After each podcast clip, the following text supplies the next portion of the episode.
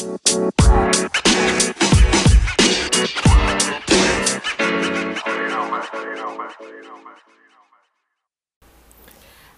semuanya. Selamat datang di Bincang Akisan episode kedua. Oke. Hari ini kita mau membahas tentang sekolah. Pengalaman kita waktu TK, SD, SMP, SMA kali ya. Kalau misalnya kuliah kan eh, kita bareng nih, jadi kayak ya bakal sama sih ini ya, bakal sama inputannya. Iya benar-benar. Nanti kita juga sekolah eh, dari TK, SD, SMP, SMA itu kan tipe sekolahnya beda-beda dan kotanya juga beda. Jadi kita bakal share perspektif kita masing-masing dan pengalaman kita masing-masing ya selama sekolah. Betul, hype-nya kan bakal beda nih. Yang Arikan dia di Bogor mulu, yang guanya di Surabaya mulu gitu kan pasti ada bedanya lah antar ya. Iya benar banget. Nah emang kalau lu dulu sekolah dari TK deh di mana aja? Kalau dulu gue ini anak negeri tipikalnya. Karena gue dari TK, SD, SMP, SMA itu semuanya negeri. Alhamdulillah gue nggak ada yang di swasta gitu. Kalau lu? Kenapa alhamdulillah ya? Kayaknya kok swasta uh, aneh gitu. Nah, sedangkan gue dari kecil itu emang dimasukinnya ke swasta. Uh, cerita lucunya gue sempet TK dari masih umur 3 tahun. Gue pengen sekolah karena ngeliat kakak gue main-main di TK. Nah, dari situ awalnya TK deket rumah, akhirnya dipindahin ke TK yang emang sekolah yang didirikan yayasan gitu, swasta. Nah, masuk TK swasta, terus lanjut SD di yayasan yang sama, SMP juga karena dulu gue sempat akselerasi jadi dianggap di bawah umur gue lanjut swasta lagi tapi pas SMA emang prinsip nyokap gue itu SMA nggak boleh swasta karena harus lebih kompetitif katanya nah ini juga terkait sama yang mau kita bahas nanti sih jadi intinya gue swasta sampai SMP tapi SMA gue negeri akhirnya gue kuliah negeri juga Kalau gue dulu eh, pengalaman yang benar-benar kerasa banget itu waktu dari SD ke SMP. Itu namanya ada kayak ujian unasnya gitu kali ya. Namanya itu dulu UKT. Nilai gue waktu SD dulu itu kayak nggak seberapa bagus. Tak jadi gue masuknya ke eh, lingkar dua kali ya, lingkar dua SMP di Surabaya. Terus kemudian gue waktu SMA, nah itu lumayan bagus tuh nilai gue. Makanya gue bisa masuk eh, salah satu SMA favorit di Surabaya. Itu di SMA Komplek itu namanya. Ada 4 SMA yang belakang-belakangan. Terus, nah eh, di semua pengalaman sekolah gue waktu dulu itu kan di negeri. Jadi kayak orang tua gue juga nyaraninnya pasti ke negeri gitu. Nggak ada gitu kayak ntar kamu masuk swasta aja ya gitu.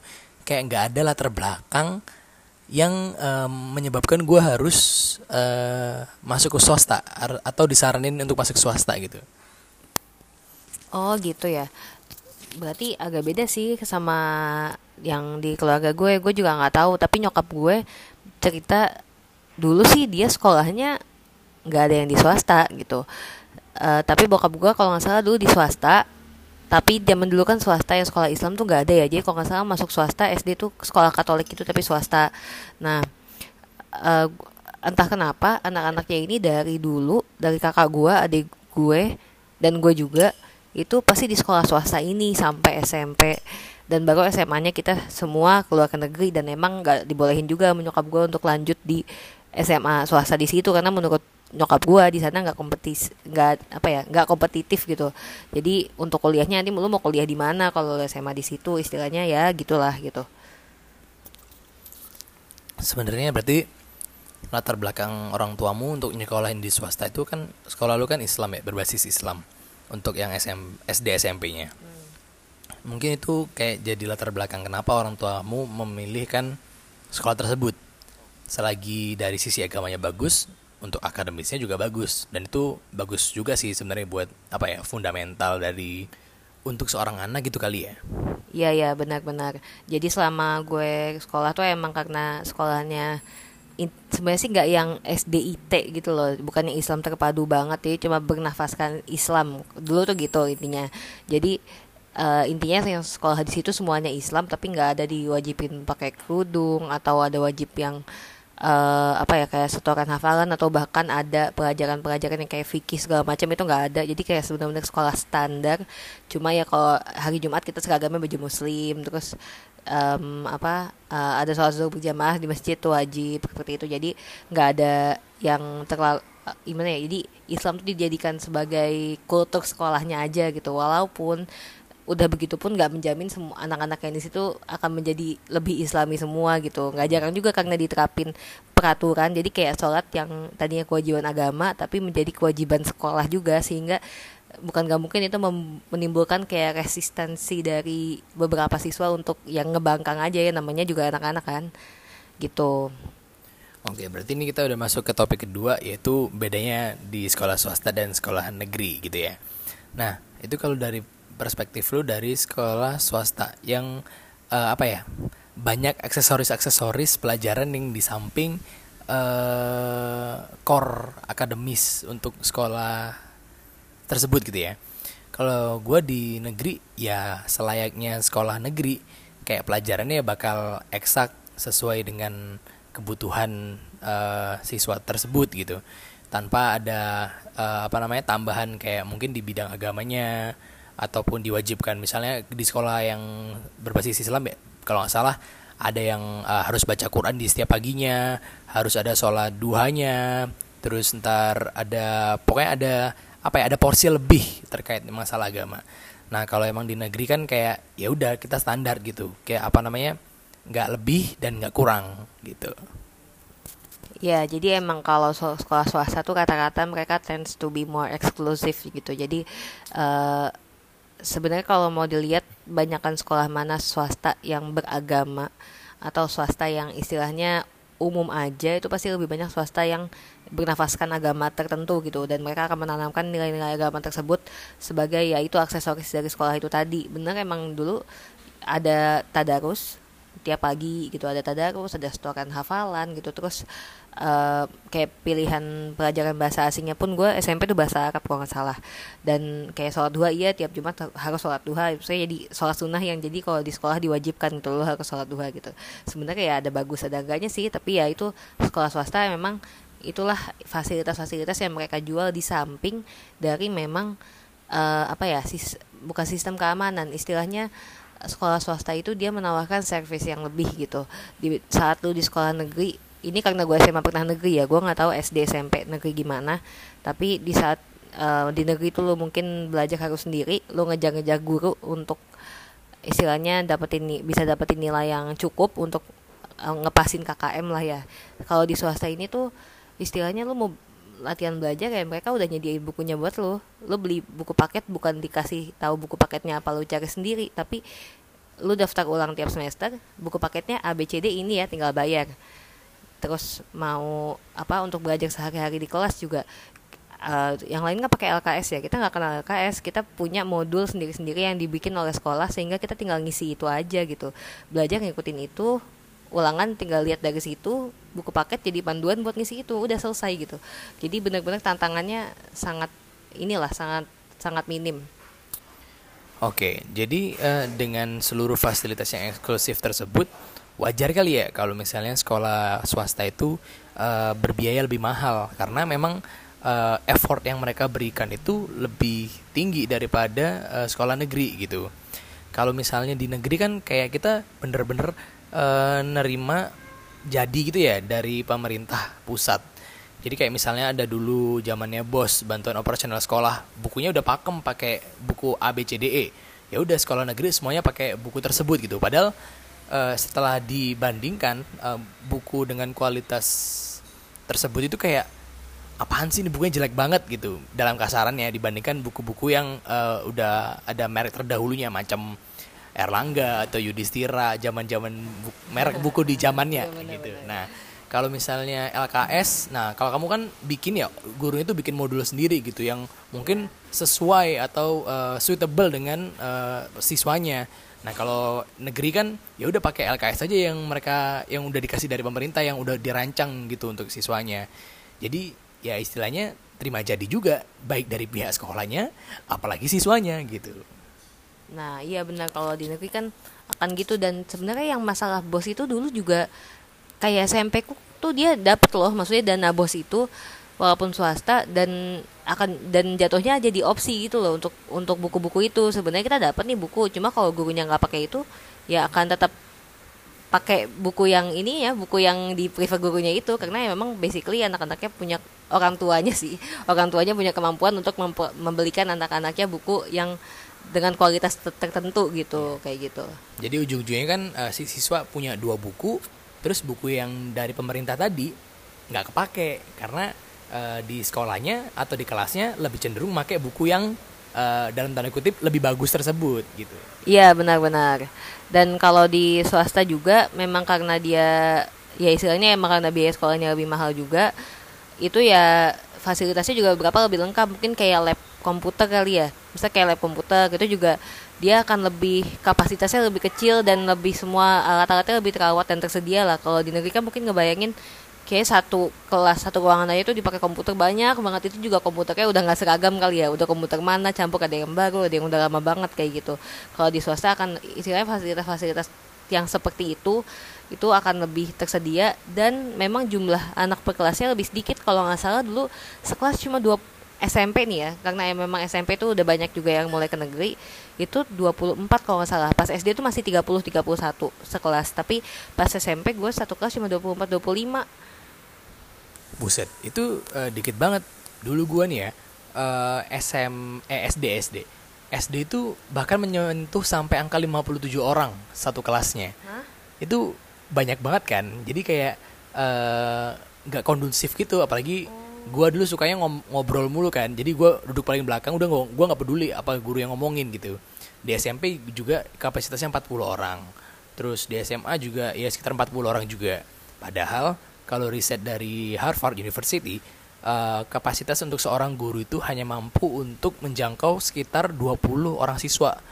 Di atas hmm. itu, lebih dari itu, itu udah nggak efisien lagi untuk apa melakukan uh, pengajaran gitu.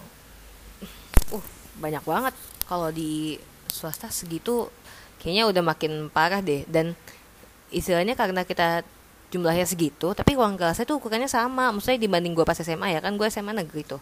Nah gue bandingin ukuran kelasnya tuh ya sama kayak pas gue SMP atau bahkan ya SMP lebih lega dikit gitu.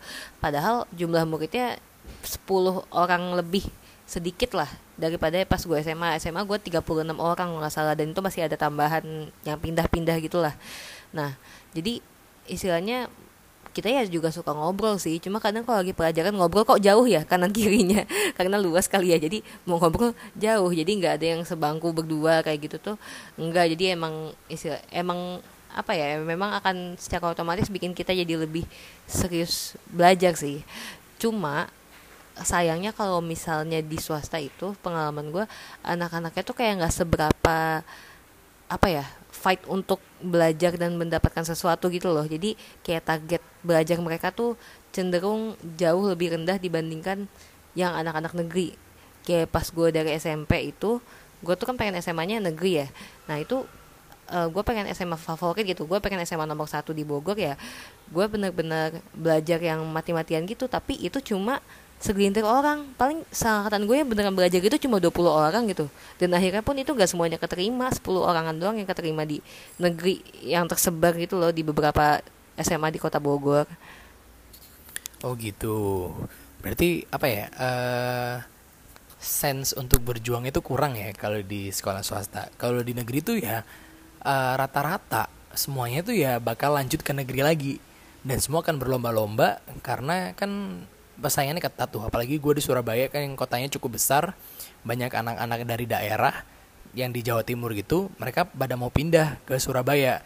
Karena mayoritas uh, sekolah-sekolah bagus SMA negeri itu adanya di Surabaya. Ya SMP SMA juga kayak gitu uh, sistemnya sama. Nah data yang tadi itu diperkuat dengan uh, bahwasannya jumlah sekolah negeri dan jumlah sekolah swasta SMA nih di Indonesia. Itu jumlahnya itu hampir 50% banding 50% jadi uh, sekitar 6.700 sekolah di negeri dan 6.700 sekolah di swasta. Tapi jumlah siswanya yang ada di sekolah negeri itu sekitar 3,5 juta siswa, sedangkan di swasta cuma 1,3 juta. Hmm. Berarti kan uh, sekolah negeri ini menanggung lebih banyak hampir tiga kali lipat, bahkan lebih lebih dari tiga kali lipat eh, jumlah siswa dibandingkan sekolah swasta gitu. Jadi wajar kalau misalnya uh, banyak anak-anak yang di sekolah negeri itu nggak bisa menyerap pelajaran dengan sempurna karena memang fasilitas yang diberikan di sekolah negeri tersebut memang bisa dibilang kurang memadai dan nggak sesuai dengan yang seharusnya gitu karena keterbatasan uh, jumlah sekolah, keterbatasan jumlah pengajar, keterbatasan dana untuk memberikan fasilitas yang terbaik itu terjadi di sekolah negeri gitu. Iya sih, emang pantas aja kalau kayak gitu di swasta itu guru-gurunya emang cenderung ya perhatian banget gitu jadi um, nilainya nggak bagus gitu pasti ya gurunya tahu semua siswanya yang mana aja mana yang bagus mana yang enggak mana yang bisa karena emang pinter dari sananya mana yang bisa karena sebelumnya jelek dia rajin belajar jadi bisa mana yang emang malas-malesan mana yang emang rajin tapi nggak bisa-bisa gitu. Itu gurunya semua tahu dan um, mereka tuh apa ya berusaha mengenali uh, siswanya masing-masing. Tapi kadang jadinya ya anak-anaknya jadi kelewatan juga. Jadi karena tahu gurunya kayak gitu merhatiin mereka uh, mereka nilainya jelek nih khususnya anak-anak yang malas-malasan dan emang main terus. Nah itu tuh jadinya kayak nyepelein gitu loh. Harusnya dia remedial gitu. Ya dia harusnya remedial ya dia harusnya berusaha dong gitu. Tapi pada nyatanya jadi gurunya yang ngejar-ngejar dia gitu. Dan itu gak akan kejadian di sekolah negeri gitu. Jadi dari segi kemandirian terus uh, kemauan untuk fight dan struggle-nya tuh emang benar-benar beda banget. Entah karena kondisi. Jadi kadang kondisi yang bagus pun nggak nggak selalu menjamin bisa anaknya jadi apa ya memanfaatkan privilege itu supaya dia bisa ngurusin hal yang lain lah istilahnya lebih rajin gitu. Tapi malah memanfaatkan privilege itu untuk uh, untuk hal yang yang nggak baik juga gitu. Dia malah manfaatin tuh untuk supaya dia ya dia diurusin terus lah istilahnya kayak gitu. Oke. Berarti dari kedua jenis fasilitas sekolah tersebut nggak menjamin juga ya outputannya itu kan ya, benar, benar. apa namanya uh, juga uh, prestasi nih uh, SMA negeri ataupun SMA swasta ini data dari Kemendikbud tahun 2018 bahwasannya 10 100 SMA terbaik di Indonesia itu uh, 57% itu dari swasta dan 43% itu dari negeri. Nah, berarti kan kayak ya uh, fasilitas juga nggak menentukan hasil akhir dari kualitas siswa tersebut gitu dan pengaruh dari terutama keluarga sih ya orang tua itu cara iya, mendidik ya, itu. siswanya itu itu pengaruh besar banget ya, gitu. Itu besar. Jadi memang sebenarnya nggak semua anak akan bisa di dua-duanya dan nggak akan maksudnya nggak sebenarnya kita nggak spesifik oh gue bisa di swasta nanti gue nggak bakal bisa di negeri yang mungkin nggak juga gitu. Tapi mungkin ada beberapa orang yang begitu gitu. Jadi intinya kalau di swasta itu mungkin akan membuat orang tua lebih tenang kali ya. Karena pihaknya itu kan benar-benar uh, kita punya orang yang bisa dihubungin dan dipegang gitu. Diandalkan, ya, diandalkan gitu. Karena mereka emang benar-benar memantau siswa-siswanya gitu langsung. secara langsung gitu nah sedangkan kalau misalnya di negeri itu yang yang gue rasain kalau lu nggak dikenal guru ya ya udah gitu. Kecuali lu berandal banget gitu kayaknya ya baru ketahuan. Jadi lu harus kayak apa namanya uh, on point banget gitu di mata guru lu gitu. Iya. sedangkan on point di mata guru itu ada dua antara lu pinter banget atau lu berandal banget berandal gitu. banget. Iya, nah kalau gue cenderung yang berandal banget makanya guru tahu gue gitu. Ya, gue dari SD SMP SMA itu guru-guru pasti tahu. Itu uh, Irsan yang banyak ngomong aja gitu. Itu udah jadi ini trend center gitu gue setiap tahunnya. Bayangin aja kalau misalnya uh, di kayak misalnya di tempat gue ya dulu SMA negeri gitu 40 orang. Uh, setiap tahunnya guru-gurunya ganti. Eh maksud gue siswanya ganti. Terus satu orang menghafal 40 orang terus tahun depannya ganti lagi 40 orang yang baru 40 orang yang baru. Ya kan apa ya dengan jumlah yang banyak itu kan kayak ya nggak bisa memahamin secara dalam lah ini anaknya kayak gimana sih uh, apa namanya kepribadiannya terus dia ini minatnya seperti apa cara belajar yang cocok mereka buat kayak gimana yeah. harusnya Gitu. Tapi tapi kalau gue perhatiin ya masalah sekolah swasta sekolah negeri ini yang paling istilahnya paling sedikit bedanya itu di tingkat SD menurut gue. Uh, gue ngerasain dulu SD gue tuh swasta tapi mm, gue merasakan SD gue cukup kompetitif. Tapi di di balance dengan atau diseimbangkan dengan guru-gurunya juga yang gak cuek. Jadi apa mereka tetap kenal kita tapi anak-anaknya ini nggak yang males-malesan pasrah dengan masa depan gitu loh. Jadi memang semuanya fight semua.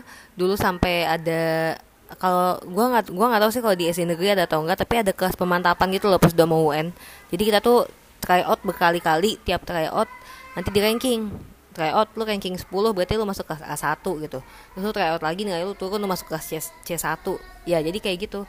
Jadi di gua merasa di SD gua ini walaupun swasta tapi anak-anaknya punya determinasi yang tinggi dan alhasil pas SMP itu banyak yang ke negeri sekolah-sekolah favorit di Bogor. Jadi kayak SMP 1, SMP 4, SMP 2 gitu. Dan yang masuk ke SMP sekolah gue yang sama itu ya emang kebanyakan dari SD situ juga tapi faktornya macem-macem.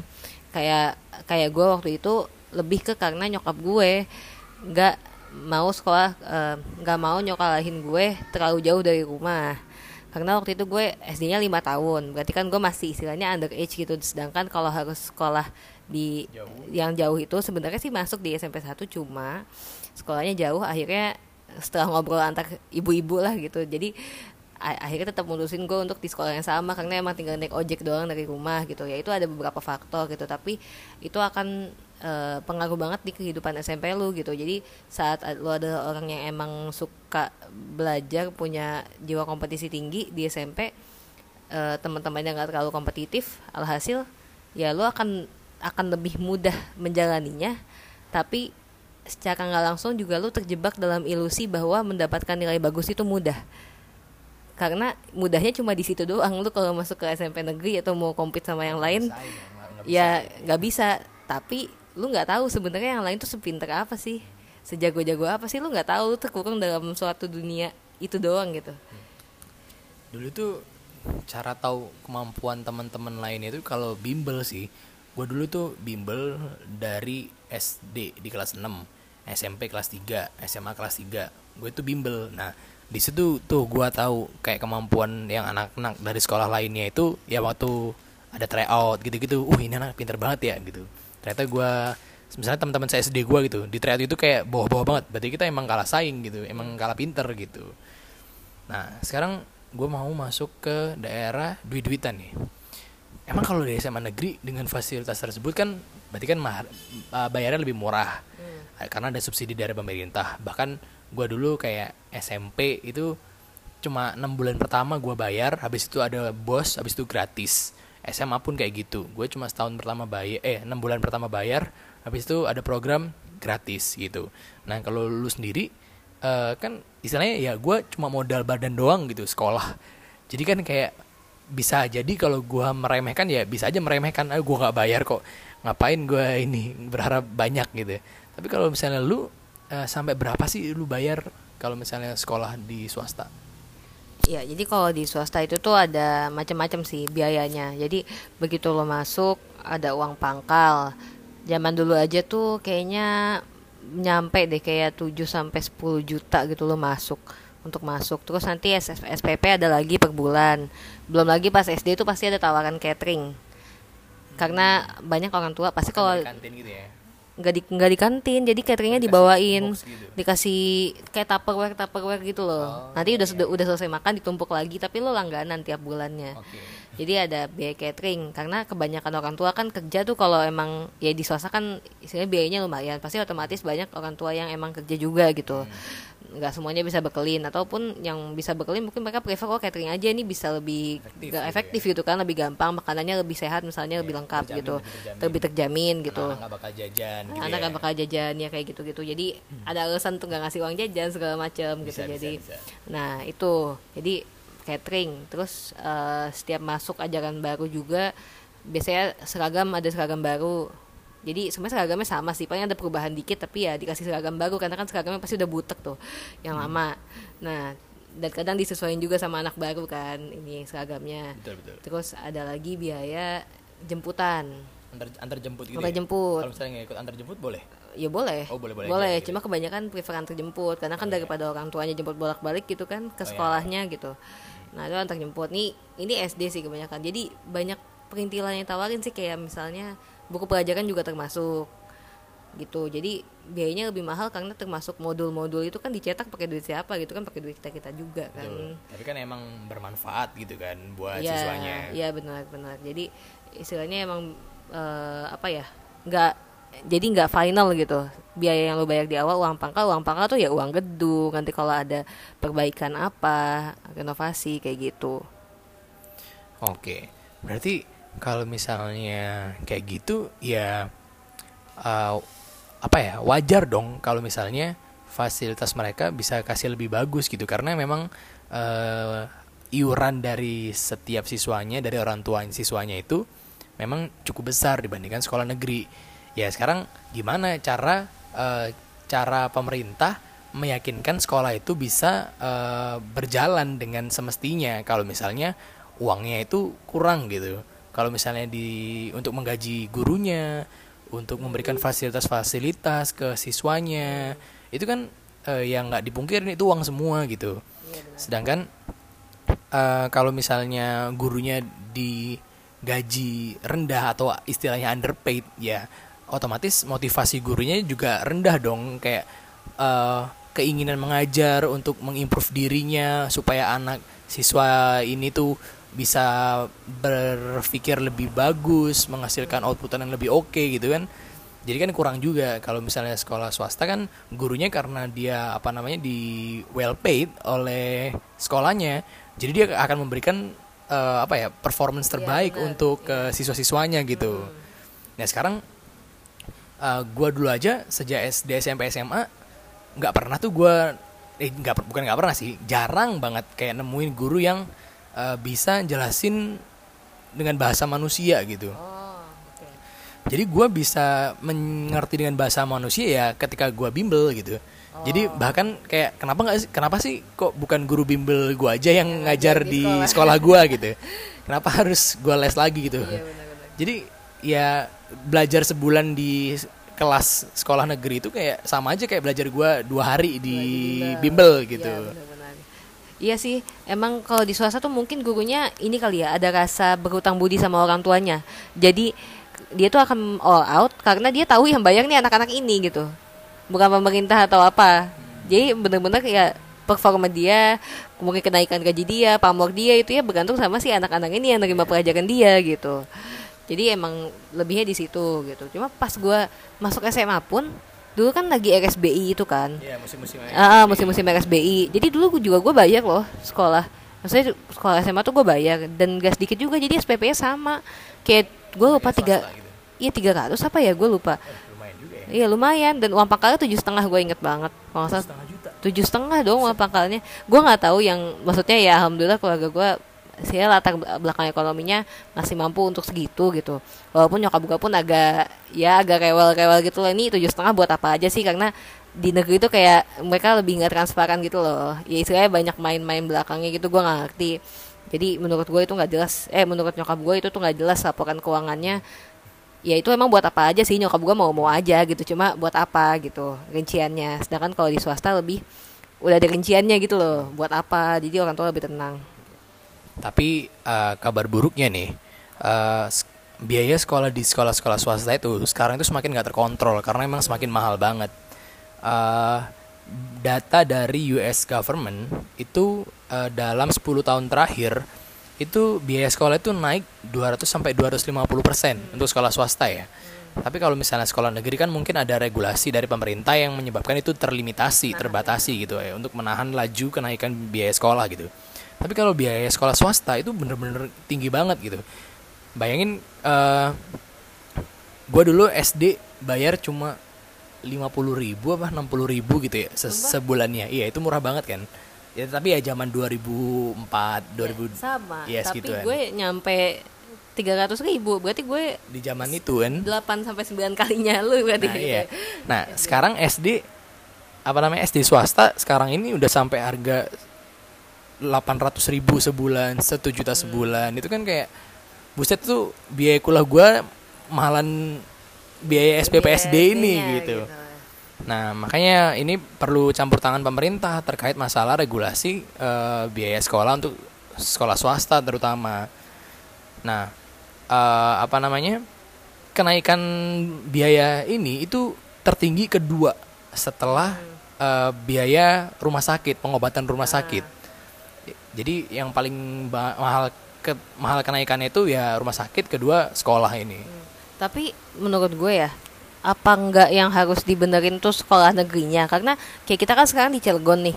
Teman-teman kita kan banyak juga yang nggak seumuran, nah istilahnya mereka 5 sampai 10 tahun di atas kita, anaknya udah mulai masuk SD gitu. Nah, itu emang banyak yang pusing milih sekolah. Jadi mereka tuh pusing nyari sekolah di sini karena sekolah negeri nggak ada yang bagus menurut mereka, nggak ada yang bisa memberikan mereka keyakinan dan keamanan terhadap pendidikan anak-anaknya. Sedangkan yang yang bisa meyakinkan mereka itu adalah sekolah-sekolah swasta. Dan harganya ya selangit-selangit itu gitu. Jadi sebenarnya mungkin ya ini pemil ini pilihan pemerintah ya, tapi kalau bagi gua pribadi harusnya pemerintah ini bisa meningkatkan kualitas sekolah negeri sehingga sekolah swasta yang mikir. Jadi sekolah swasta nggak akan semena-mena naruh harga karena semata-mata dia punya fasilitas yang bagus. Oh, negerinya nggak akan ngejar nih gua kasih harga segini juga orang pasti tetap nyari gitu. ini kalau misalnya di kota kecil ya jadi kan apa namanya istilahnya masyarakatnya nggak ada pilihan gitu tapi kalau kalau di kota-kota besar kan masih ada tuh pilihan sekolah negeri yang bagus gitu kan Iya. nah oke selanjutnya mau ngomongin terkait masalah school life ya aktivitas sehari-hari di sekolahnya. Ini biaya juga nggak sih?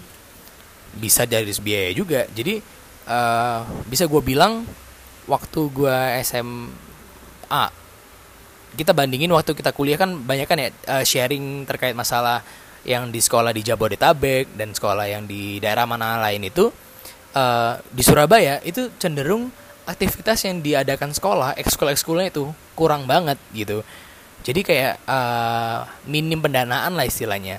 Jadi kalau misalnya nggak inisiasi dari siswa tersebut ya ekskul tersebut nggak jalan gitu. Ekskul ekskul olahraga itu eh, ekskul ekskul yang kayak apa namanya paskibraka terus juga pramuka terus eh, dan lain-lain lah. Itu tuh nggak bakal jalan kalau misalnya nggak ada gerakan dari siswanya tersebut. Bukannya yang harusnya disediakan oleh sekolahnya jadi siswa tinggal eh, running aja gitu. Nggak gitu. Kalau misalnya di swasta kan mungkin udah ini ya udah disiapin gitu ya udah lebih well prepared gitu kali ya? Kalau di swasta dulu gue SMP OSIS sih. Ya walaupun di swasta ternyata organisasinya ya masih ece-ece banget sih ya sistem organisasinya setelah gue SMA tapi pas gue SMP OSIS itu istilahnya emang eh, challenge lu untuk mewujudkan suatu acara yang emang pengen lo adain tuh lebih lebih apa ya lebih sedikit gitu challenge-nya. Jadi jadi eh instead lo di challenge untuk nyari sponsor yang gede-gede gitu lo akan lebih apa ya karena orang tua orang tuanya pada mampu dan mau ngasih jadi hal yang ditempuh duluan adalah kita keliling ke rumah-rumah orang tua gitu loh. Terutama orang tua orang tua yang aktif di komite. Jadi komite sekolah ya, eh, jadi kita kayak keliling ke rumah-rumah mereka kita izin pas jam pelajaran untuk ya kita tetap bawa proposal kita tetap kayak Nyari dana di iya nyari dana gitu nyari sebagaimana nyari dana itu. Jadi kita tetap bawa proposal jelasin acara ini tapi kemudahan dapat dananya tuh jauh jauh lebih mudah gitu. Karena kita minta minta yang ya paling sedikit aja kayak seratus ribu dua ribu dapat yang seratus ribu dulu gede banget kan seratus ribu itu gitu. Jadi kegampangannya di situ dan emang guru-gurunya juga lebih ya di, di swasta guru-gurunya akan lebih helpful lah dibanding pas di negeri itu kita bener-bener struggling banget yang kayak nyari sponsor ke mana-mana kayak gitu Tapi kalau misalnya itu kan dari segi aktivitas ya. Kalau dari sehari-harinya nih misal eh, bergaul dengan teman-teman sebaya lu di sekolah negeri atau swasta. eh, kalau gua di negeri itu kayak cenderung lebih eh, seragam gitu kayak nggak eh, sedikit sih ya, kayak gap-gapan terus kesenjangan sosial yang sangat jauh itu jarang terjadi kalau di sekolah negeri menurut gua ya. Iya, kalau memang kalau di tempat lu eh, seragam gitu apa gimana? Iya di tempat gue ya seragam sih seragam kesenjangan sih nggak justru di tempat gue kesenjangan menur- menurut gue nggak jauh ya tapi mungkin ada beberapa ya istilahnya setelah setelah gue udah gede sih gue tahu bahwa ada beberapa orang yang dengan mudahnya nyekolahin anaknya di swasta dan ada yang dengan susahnya menyekolahkan anaknya di swasta gitu. Gue inget banget dulu istilahnya jadi standar pergaulan gue jadi tinggi gitu dulu karena eh, istilahnya kan kalau yang ya banyak anak orang kaya gitu yang diantar jemput pakai mobil ke sekolahnya gitu. Sedangkan ya ada yang pakai supir segala gitu terus naik angkot eh, ya mungkin ada yang naik angkot tapi dikit banget sih kalau itu kayaknya. Proyek proyek kebanyakan tuh diantar jemput rumahnya di mana di perumahan yang bagus-bagus kayak gitu. Terus dari atribut sekolahnya aja mungkin seragam tapi kan tas nggak seragam ya? Sepatu nggak seragam. Dan kita semua bakal tahu mana yang bagus mana yang keren mana yang enggak. Nah jadi dari dulu tuh setiap ada dulu tuh keren banget tas Happy House. Nah pokoknya jadi gue tuh jadi update merek-merek lah gitu. Karena jadi nggak inget kan dan ternyata tuh harganya lumayan mahal. Kadang berkali-kali gue jadi minta ke nyokap gitu loh mah mau tas ini bagus kayak gitu kayak punya si ini itu bagus loh gitu. Terus kadang nyokap gue itu kualitasnya nggak terlalu bagus tapi ya gue melihat merek itu gitu. Jadi gue banyak terupdate dengan merek-merek yang sebenarnya ya merek mahal-mahal gitu. Sebenarnya juga orang tua gue saat itu mungkin belum seberapa mampu untuk beliinnya gitu intinya itu sih jadi kayak mahal gitu loh pergaulan Oke, jadi bisa dibilang kayak sama aja kali ya untuk masalah kesenjangannya itu ya biasa aja gitu untuk baik di sekolah negeri ataupun sekolah swasta. Nah, uh, kalau misalnya disimpulin nih, kira-kira bagusan sekolah negeri atau sekolah swasta sih ya? Kalau dari gue pribadi ya lagi-lagi tergantung karena emang uh, apa namanya uh, hasil membuktikan kalau performa sekolah negeri dan swasta itu bisa dibilang sama aja gitu outputannya. Nah tergantung lagi-lagi tergantung uh, si orang tuanya ini bisa mendidik nggak si siswa tersebut gitu pasti ada banyak campur tangan dari uh, lingkungan keluarga sendiri sih nggak jadi nggak hanya mengandalkan sekolah di swasta tahu-tahu keluarannya langsung jadi pinter banget gitu kan nggak seinstan itu yeah. karena proses belajar kan kayak ya nggak cuma di sekolah di sekolah paling cuma berapa jam sih. Yang lama kan di rumah itu ini ya apa namanya uh, sistem pembelajarannya Iya benar. Jadi kalau gue kan yang mungkin udah nyobain dua-duanya kali ya. Gue merasa di negeri itu kita akan jadi lebih mandiri dan bisa um, berbau. Ya ber, kalau berbau mungkin dua-duanya bisa sih. Cuma lebih uh, apa ya melakukan suatu hal tuh atas kesadaran sendiri gitu. Dulu gue inget banget kalau masih SMP tuh banyak banget sholat sholat tuh masih suku-suku gitu. Dan mulai SMP kan istilahnya perempuan kan udah mulai udah udah mulai haid ya. Nah jadi uh, ya kalau haid kan otomatis lu nggak sholat tapi lu tetap harus datang ke masjid. Jadi tetap kayak duduk di luarnya gitu loh karena ada kayak doa bareng dan kayak ceramahnya gitu setelahnya. Nah itu kayak, kayak apa ya, dengan peraturan yang kayak gitu pun itu di itu kadang dicekin gitu loh. Bahwa ini beneran haid gak? Karena ada pengalaman bahwa ada yang bohong gitu Nah, pura-pura haid supaya nggak sholat gitu. Nah, sedangkan pas di SMA itu walaupun SMA negeri, maksudnya nggak ada pelajaran agama khusus tapi banyak maksudnya teman-teman gue ini sholat tuh pada ngajakin eh sholat dulu yuk terus makan gitu. udah ada, gitu. Jadi kesadarannya lebih bagus gitu istilahnya dibanding teman-teman gue yang emang di sekolah Islam gitu. Itu terjadi. Bisa juga itu nggak terjadi di sekolah pilihan kalian nanti gitu. Gitu. Jadi istilahnya di mana pun sekolahnya yang terpenting adalah uh, mungkin orang bilang jangan milih-milih teman kali ya tapi ya pada faktanya kita tetap harus milih-milih teman dan lingkungan gitu. kita, kita harus selektif tapi kita harus tetap menjaga hubungan dengan semuanya kayak gitu. Oke, dari jadi kalau gitu kita berdua setuju kalau misalnya uh, sekolah negeri atau sekolah swasta itu enggak 100% mempengaruhi hasil dari kualitas siswa tersebut ya, kualitas dari si anak gitu. Nah, ini PR buat pemerintah nih jadi supaya kalau memang program uh, kesetaraan itu mau dijalankan, jadi ya diperbaiki, harap diperbaiki sekolah sekolah-sekolah negeri ini, baik dari kualitas gurunya, fasilitas sekolahnya, terus juga uh, outputannya itu pengen dijadikan seperti apa gitu. Uh, contoh aja kalau dari jumlah SD aja uh, kita totalnya ada 148 ribu atau bisa buat 25 jutaan siswa. SMP itu cuma bisa menampung 10 juta siswa. Berarti kan secara nggak langsung pemerintah udah setuju untuk ada 15 juta anak SD yang nggak lanjut ke SMP gitu. Udah jumlahnya lebih dikit nih ya. Uh, itu kan pasti kalau jumlah lebih sedikit kan berarti akan ada seleksi. Di mana seleksi itu akan ada fenomena di mana ada sekolah favorit dan tidak favorit. Betul.